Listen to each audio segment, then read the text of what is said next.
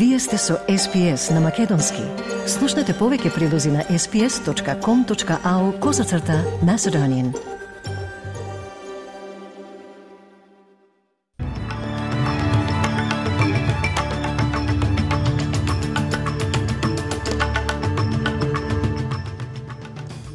денешниот билтен вести издвојуваме. Лабористите и зелените најдоа договор за Националниот фонд за реконструкција. Грузиците протестираат против законот за печат.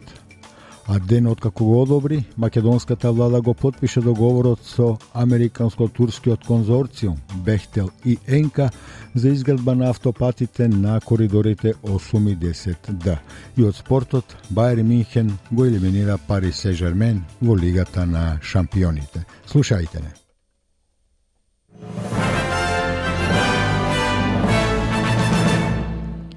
Зелените ветија подршка за Националниот фонд за обнова на лабористите, откако постигнаа договор.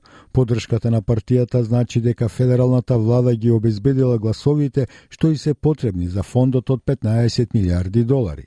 Владата се согласи на аманман со кој ќе се спречи користењето на фондот за проект проекти за јаглен и газ или за сеча на домашни шуми. Ќе обезбеде финансирање во области како што се технологијата, транспортот и обновливите извори на енергија за да се потикне производството во Австралија. Лидерот на Зелените, Адам Бент, вели дека тоа е голема победа за климата, работните места и економијата. Coal and gas are the main causes of the climate crisis. Gas is as dirty as coal and you can't put the fire out while you're pouring petrol on it. Сиднеј Трейнс вели дека Сайбер напад не е виновен што градската железничка мрежа запре вчера попладне. Возовите повторно се во функција денеска, откако околу 250.000 патници беа блокирани вчера околу 90 минути во периодот на шпицот во сообраќајот, предизвикувајќи транспортен хаос. Апликацијата Райче Uber е подготвена да враќа пари за доплати за време на застанувањето на возовите, бидејќи на патниците им биле наплакени стотици долари повеќе во обидот да се вратат дома. Извршниот директор на Сиднеј Трейнс, Метју Лонгланд, изјави за Nine Нетворк дека ги вложуваат сите своји напори за да се осигурат дека тоа нема да се повтори во иднина. The work we've done overnight indicates that it was a component failure, so a faulty component which was replaced in the system, so not related to a cybersecurity issue. But we will work through all the details in the investigation over coming days to make sure the system is secure and operating reliably. I'll let others comment on politics. Our focus has been on resolving the issue, and this was an issue that was caused by Sydney Trains. It was our system that failed yesterday. Our team have worked to resolve the issue, and we're absolutely committed to ensure it doesn't happen again. Болниците се справуваат со значителен прекин на IT системот што влие на едно од најголемите јавни здравствени услуги во Мелбурн.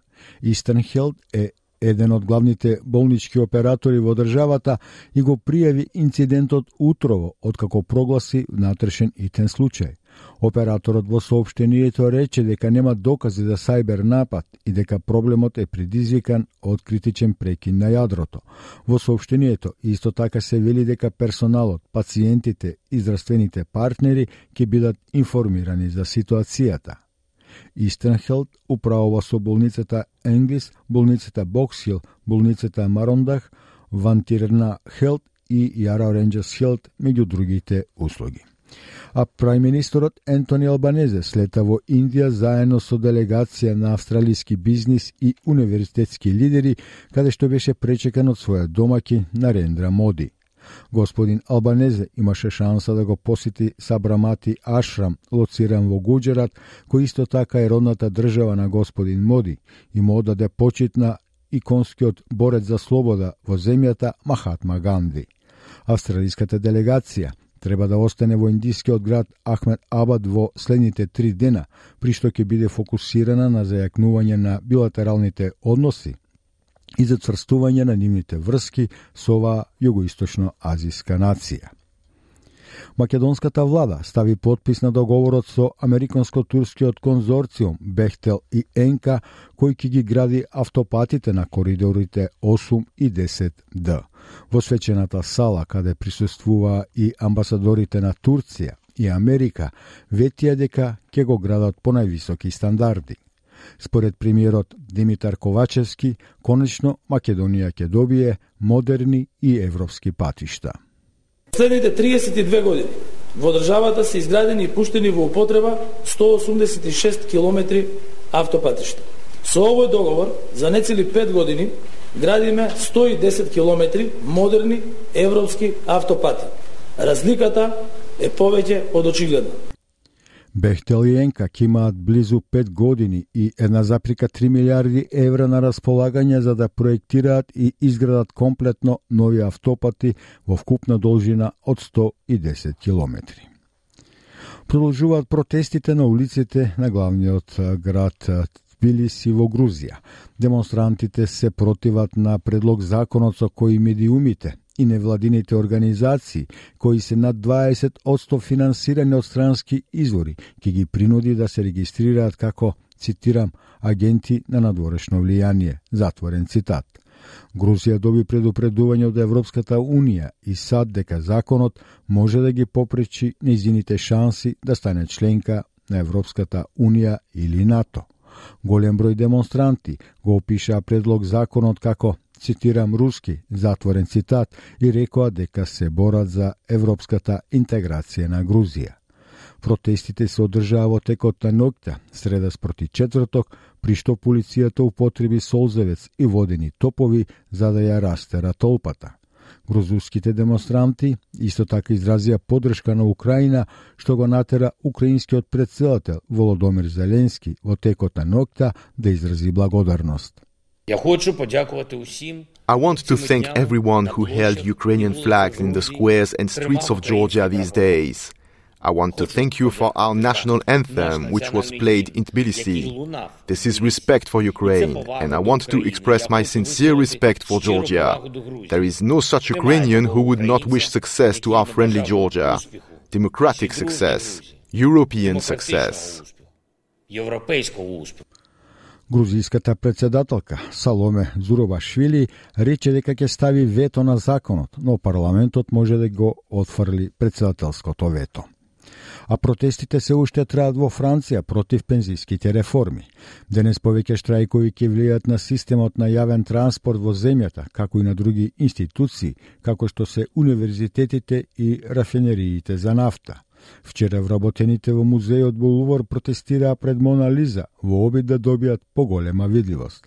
Откако е презеде функцијата во 2017 година, францускиот председател Емануел Макрон е категоричен дека сака да го реформира пензискиот систем и ќе зголеми старосната граница за пензионирање од 62 на 64 години.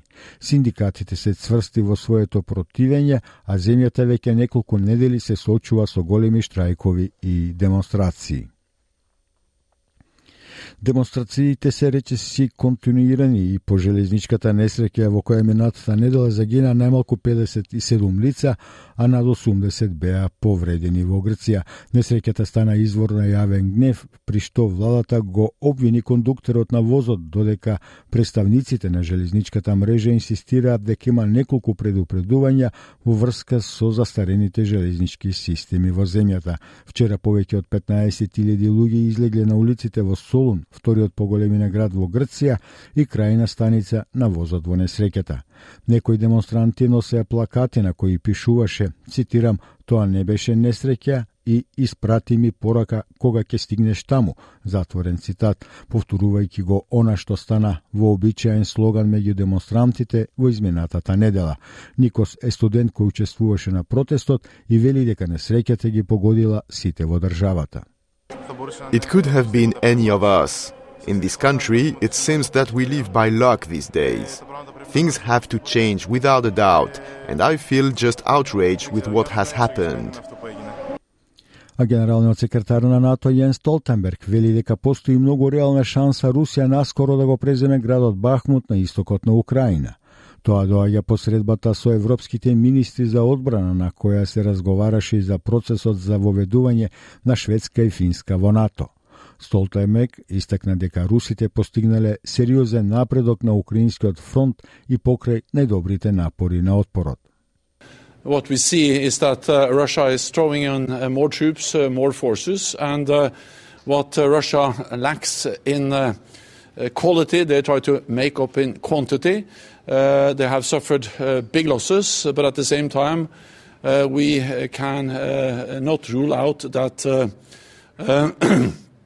Bakhmut may eventually fall и од спортот, односно од фудбалот, Бајер Минхен и во вториот надпревар од осмина финалето во Лигата на шампионите беше подобар од Пари Сен Жермен, овој пат на домашен терен со 2 спрема 0.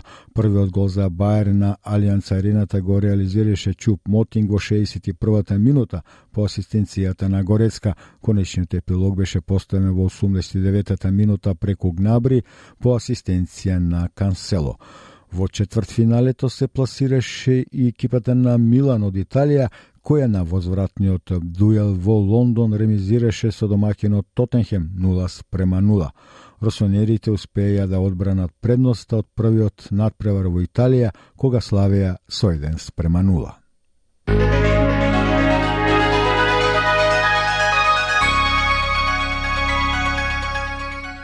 И од најновата курсна листа, денеска еден австралиски долар се менува за 0,62 евра, 0,66 американски долари и 38,90 македонски денари, додека еден Американски долар се менува за 57,20 македонски денари, а 1 евро за 61,82 македонски денари. И да слушнеме временската прогноза за поголемите главни градови утре во петок, 10 март. Перт сончево со температура до 27 степени, Аделајд сончево до 26, Мелбурн делумно облачно до 24 степени, делумно облачно во Хобарт со температура до 22 степени, Камбера сончево до 26, Сиднеј делумно облачно до 27, Брисбен врнежи од дожд до 28 степени, Дарвин делумно облачно со температура до 32 степени и во Алес Спринг сончево со температура до 33 степени.